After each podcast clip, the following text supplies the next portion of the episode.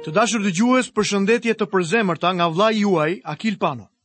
Është me të vërtetë bekim i paparë nga Perëndia që kemi privilegjin së bashku të studiojmë fjalën e Tij të gjallë. Ju kujtoj që jemi duke studiuar librin e tretë të Biblës dhe jemi në dhjatën e vjetër duke studiuar librin e Levitikut.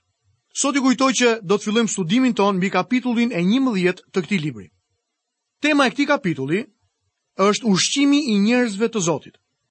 Kafshët e pastra dhe të papastra, kontaktet me kufomat e kafshëve të papastra, kontaktet me kufomat e kafshëve të pastra, ndotja nga kafshët që zvarriten dhe klasifikimi i të pastrës dhe të papastrës i bërë nga një zot i shenjtë. Ky është një ndër kapitujt më të pazakontë të të gjithë librit. Kemi mbërritur kështu tek një degëzim radikal i këtij libri. Subjekti ka ndryshuar nga priftërinjtë tek njerëzit, nga ofertat e Perëndisë tek ushqimi për njeriun nga adhurimi përpara Zotit në ecjen në këtë botë. Ndryshimi nga gjërat e shenjta tek ajo jo të shenjta është bërë pa ndonjë ndryshimi ritmi ose niveli. Nuk ka asnjë mendim që kjo është diçka ndryshe. Sot ne bëjmë një dallim artificial midis gjërave të shenjta dhe atyre jo të shenjta. Mendojmë se mjafton që diçka të jetë në kishë dhe bëhet automatikisht e shenjtë. Edhe thashethemet në kishë duket sikur bëhen vetëm për gjëra të shenjta, veçanërisht nëse shprehen si një kërkesë lutje.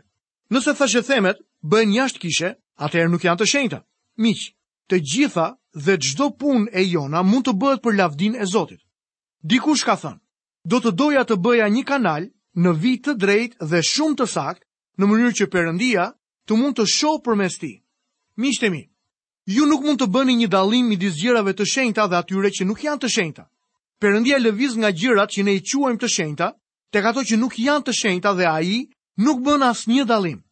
Ky kapitull i librit të Levitikut është i pazakontë sepse Perëndia jep një ushqim, një menu, që duhej ndjekur nga populli i Izraelit. Duhet të hahen disa gjëra dhe të mos hahen ato që Perëndia nuk i ka vënë në këtë listë. Këtu lind pyetja e rëndësishme. A mund të jetë i interesuar Zoti i universit të pafund se çfarë hanë për drekë krijesat e tij? A mundet ai që paracaktoi gjithë krijesat të përgatisë një menu për njeriun? Ky kapitull na jep përgjigjen. Perëndia ishte dhe është interesuar në detajet e jetës së popullit të tij, në detajet në jetën tënde. Asnjë detaj nuk është aq i vogël sa t'i shpëtojë interesit dhe vëmendjes së tij. Një zonjë pyeti një herë Campbell Morganin se nëse ai mendonte se ne duhet t'i luteshim Zotit edhe për gjërat e vogla në jetën tonë. Përgjigja e tij ishte kjo. Zonjë, a mund të përmendësh diçka në jetën tënde që është e madhe për Perëndinë? Ju e shihni se ne mundohemi t'i ndajmë gjërat në jetën tonë si probleme të mëdha dhe probleme të vogla. Ato nuk ndahen në këtë mënyrë përpara Zotit. Të gjitha ato janë probleme të vogla para Tij. Asgjë nuk është aq e madhe për vëmendjen dhe kujdesin e Tij. Ka kaq shumë urdhërime për ne që të lutemi për gjithçka dhe të mos shqetësohemi për asgjë. Siç do të shohim në këtë kapitull, pra në kapitullin e 11 të librit të Levitikut, ka mësime të mëdha shpirtërore që na jepen. Në të njëjtën kohë këtu do të gjejmë edhe një aspekt praktik shumë të vërtetë, i cili për shkak se i përket Izraelit, injorohet shpesh prej nesh. Meqenëse Perëndia ndaloi ngrënien e disa kafshëve dhe lejoi ngrënien e disa të tjerave, duhet pranuar se këtu përfshihej edhe një faktor shëndetësor. Ata mund të hanin disa kafshë që ishin peshq dhe zogj, por jo disa të tjera. Dallimi midis kafshëve të pastra dhe të papastra nuk ishte diçka supersticioze dhe aq më tepër një rit fetar. Meqenëse Perëndia urdhëroi ngrënien e disa kafshëve për ushqimin e popullit të tij dhe ndaloi në mënyrën kategorike ngrënien e kafshëve të tjera, duhet të ketë ndonjë të mirë në ndjekjen e kësaj menuje që Perëndia na jep. Historia na tregon se Perëndia kishte arsye të mira dhe të mjaftueshme për të bërë dallimin e tij. Tani është e vërtetë se Perëndia mund të ketë vepruar në mënyrë arbitrare në vendosjen e këtyre kufijve ndarës midis kafshëve të pastra dhe të papastra, por një gjë është e sigurt. Ai çdo vendim i tij ishte për të mirën e njerëzve të tij. A na tregon historia diçka në lidhje me këtë çështje? Është shumë interesant fakti që kafshët që u ndaluan të haheshin ishin kryesisht ushqyes të papastër. Kafshët që përjashtoheshin nga ligji i Moisiut ishin kafshët më të prekshme nga sëmundjet. Më lejoni t'ju jap një citim nga doktor Kellogg, i cili thotë: "Një nga zbulimet më të mëdha të shkencës moderne është fakti se një numër i madh sëmundjesh, ndaj të cilave kafshët janë lehtësisht të prekshme, janë për shkak të prezencës së formave të ulta të jetës parazitare. Kafshët e papastra në ushqimin e tyre janë më të ekspozuara ndaj këtyre sëmundjeve. Asnjëra prej këtyre kafshëve nuk mund të jetë e lirë nga këto sëmundje. Një zbulim tjetër i kohëve të fundit, i cili nuk ka një rëndësi të vogël në çështjen e ngritur në këtë kapitull, është fakti që shumë nga këto sëmundje parazitare janë të zakonshme te kafshët dhe njerëzit.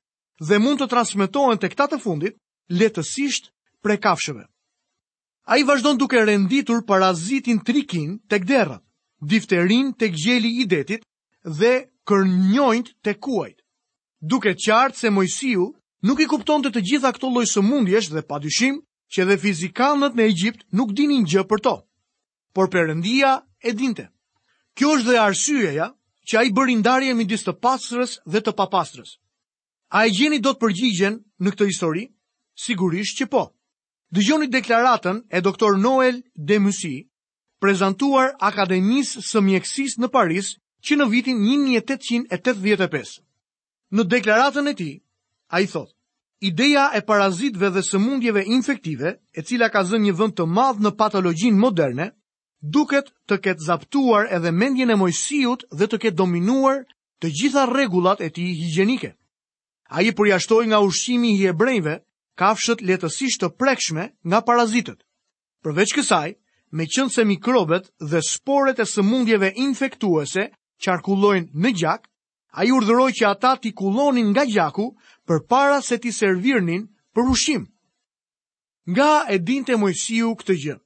Moisiu mund të mos e ketë pasur idenë fare, por Perëndia në madhështinë e tij ia tregoi.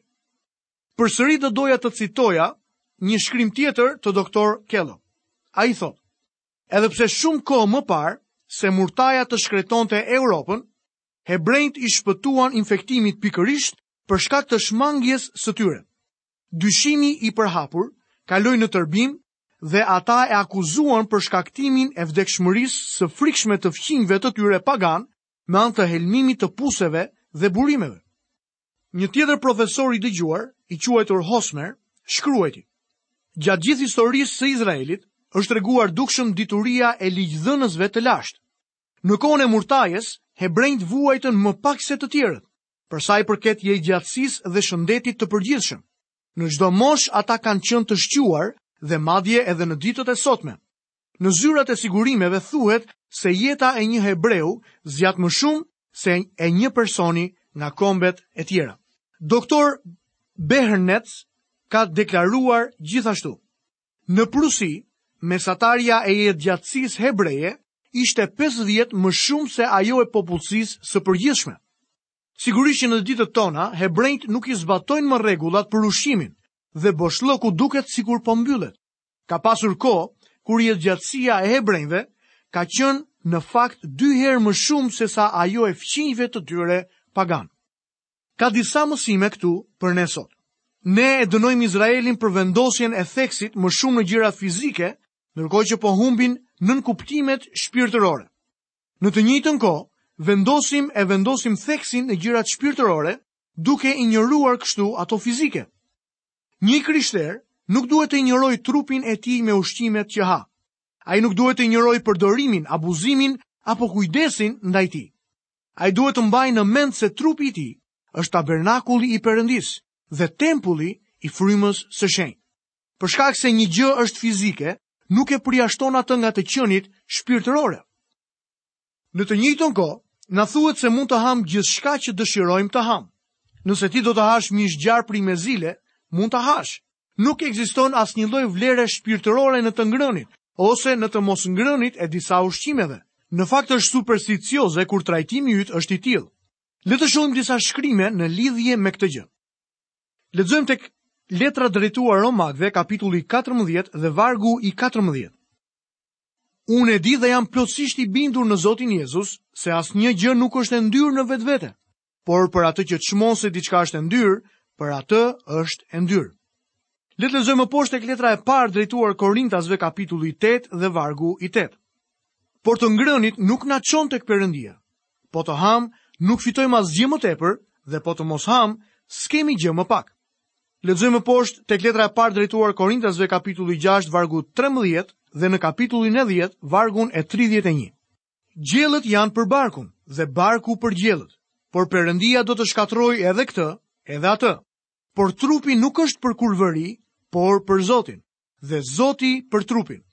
Pra nëse hani, nëse pini, nëse bëni ndonjë gjë tjetër, të gjitha t'i bëni për lavdinë e Perëndisë. Ne duhet të nënvizojmë se lakmia është e ndaluar rreptësisht.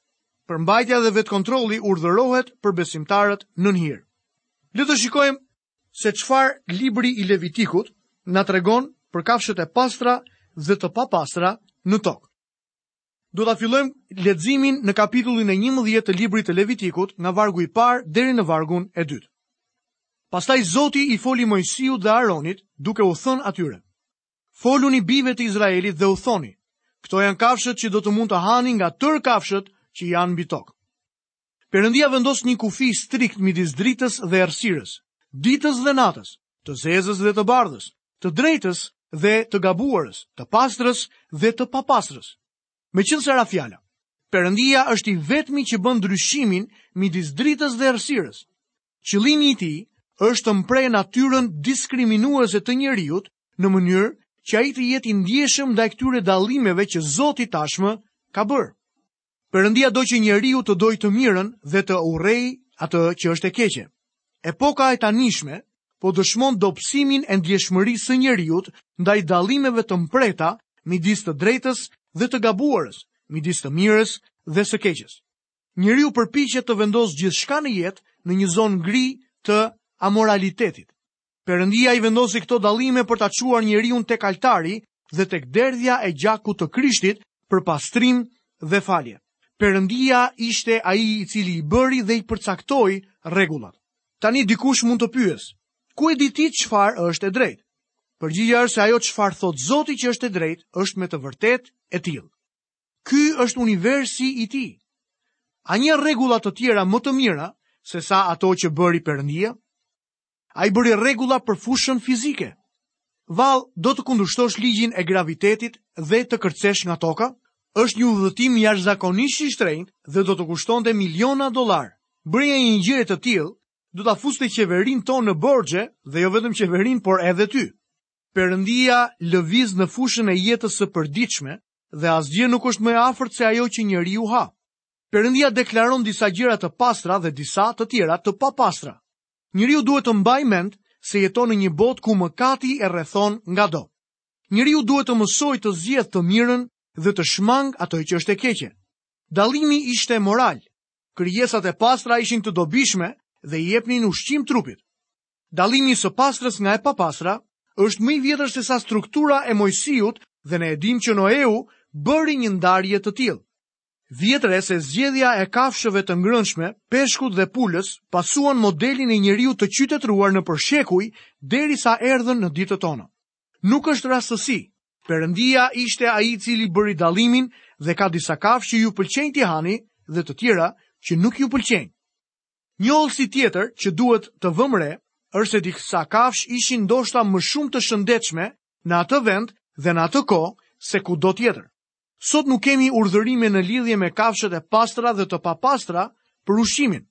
Ka shumë çështje morale të përfshira në këtë kapitull.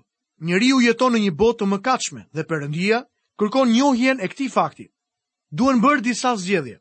Edhe pse njeriu doli nga kopshti i Edenit, ishte ende një pemë për të cilën Perëndia thoshte që ai nuk duhet ta hante. Mendoj se subjekti moral është kryesori. Ju e mbani mend se kur Pjetri pa çarçafin që po zbriste poshtë me lloj-lloj kafshësh dhe zogj dhe nuk donte t'i hante derisa Zoti i tha: Gjërat që Perëndia i ka pastruar, ti mos i bëj të papastra. Me fjalë të tjera, Perëndia është ai i cili i vendos rregullat. Dhe njeriu duhet të bëjë zgjedhjen e tij sipas rregullave të Zotit. Ky është një mësim i madh në lidhje me moralin tonë. Lexojmë vargun e tretë. Mund të hani çdo kafshë dythundrake që e ka këmbën të ndarë dhe ripërtypet. Ky ishte rregulli që duhej ndjekur për përcaktimin e kafshëve që duheshin ngrënë. Kjo përsëritet tek ligji i përtërirë në kapitullin e 14 dhe vargun e 6. Dhe në atë kapitull, ai rendit kaun, delen, dhinë, drerin, kaprollin, gazelën, dhinë e egër, stambekun dhe antilopën. Tek Levitiku, parimet dhe rregullat janë dhënë me pak shembuj të atyre kafshëve që janë të papastra.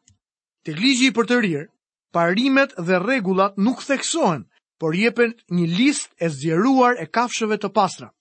Levitiku thekson negativen, ndërkohë që ligji i përtërirë thekson atë çka është pozitive. Tek libri i Levitikut, ndarja e të pastrave nga të papastrat përshkruhet me kujdes edhe pse ky nuk është një urdhërim i ri.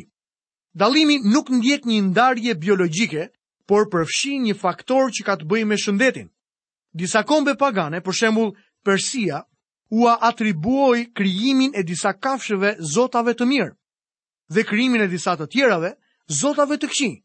Perëndia ishte ai i cili krijoi të gjitha kafshët. Asnjë nuk e di natyrën e kafshëve që përfaqësojnë mëkatin apo virtytin dhe bëjnë dallimin. Për shembull, luani konsiderohej si kafshë e papastër, e megjithatë, luani është një pamje e Zotit Jezu Krisht dhe është simboli i fisit të Judës. Kjo është arsyeja pse Zoti Jezus quhet edhe Luani nga fisi i Judës. Nuk ka asnjë lidhje misterioze midis shpirtit dhe trupit, siç mund të shihet sot në disa kulte pagane. Natyra e kafshëve nuk transmetohet tek ata që i hanë ato. Kjo është e pakuptimtë dhe supersticioze. Disa vegjetarianë mendojnë se njerëzit bëhen mizorë për shkak se hanë mish. Kam parë shumë njerëz që janë vegetarian dhe mund t'ju them se ide të tilla nuk kanë asnjë kuptim. Për Izraelin, dallimi midis kafshëve të pastra dhe të papastra ishte pjesë e planit të Zotit për t'i mbajtur ata të ndarë nga kombet e tjera. Edhe sot e drejta ka një kuptim të veçantë për gjithë secilin. Atyre u kujtohej vazhdimisht që jetonin në një botë ku duhej të bënin disa zgjedhje. Për të krishterët janë disa zbatime shpirtërore. Ne tashmë kemi treguar se nuk ka asnjë meritë në ndjekjen e ritualit për sa i përket mishit. Por është interesante të vësh re se të meditosh është një shprehje figurative e lopës që përtyp ushqimin. Psalmi i parë dhe vargu i dytë na thotë: Por ai që gjen kënaqësinë e tij në ligjin e Zotit dhe që mendon thellë ditë e natë mbi ligjin e tij. Meditimi është një zbatim i vlefshëm i përtypjes së ushqimit për përfitimin shpirtëror të besimtarëve. Në të njëjtën mënyrë, ndarja e thundrakëve flet për ecjen e besimtarëve. Tek letra e drejtuar Efesianëve në kapitullin e 4 dhe vargun e parë, apostulli Pal na thotë: Unë pra i burgosuri për Zotin, ju bëj thirrje që të ecni denjësisht sipas thirrjes për të cilën u thirrët. Dhe më poshtë në kapitullin e 5 të letrës së Efesianëve, në vargun e 2 dhe vargun 15, apostulli Pal vazhdon të na thotë: "Dhe ecni në dashuri, sikurse edhe Krishti na deshi. Kujdesuni pra që të ecni me kujdes dhe jo si të marrët, por si të mençurit." Marrëdhënia midis studimit të Fjalës së Zotit dhe ecjes së besimtarit është e lidhur ngushtë bashkë. Në letrën e dytë drejtuar Timoteut, në kapitullin e tretë, vargjet 14 dhe 15, apostulli Pal sërish na tregon: "Por ti qëndro në ato që mësove dhe u binde plotësisht, duke ditur prej kujt i mësove, dhe se që nga fëmijëria i njeh shkrimet e shenjta, të cilat mund të të bëjnë të ditur për shpëtimin me anë të besimit që është në Krishtin Jezus. Jakovi në letrën e tij në kapitullin e parë dhe vargun e 22 na tregon: Dhe bëhuni bërës të fjalës dhe jo vetëm dëgjues që gënjejnë veten e tyre. Miku im, ecja e besimtarit është e lidhur ngushtë me fjalën e Zotit. Nëse do të ecësh në këtë botë, ti duhet të përtypësh ushqimin, fjalën e Zotit. dhe keni nevojë të keni atë ecje të ndarë që vetëm fjala mund ta prodhojë. Besimtari që studion Biblën dhe që vendos në praktikë mësimet e fjalës së Zotit, e identifikon veten si fëmijë i Perëndisë me anë të punës dhe ecjes së tij. Miqtë e mi të dashur, çfarë gjurmësh jeni duke lënë juve në komunitetin tuaj? Cila është dëshmia e Krishtit në jetën tuaj? Më kujtohet historia e një njeriu disa vite më parë, kur dikush u përpoq t'i jipte një fletushkë ungjillizimi. Ai pyeti se çfarë ishte dhe iu tha që ishte një trakt, një fletushkë ungjillizimi.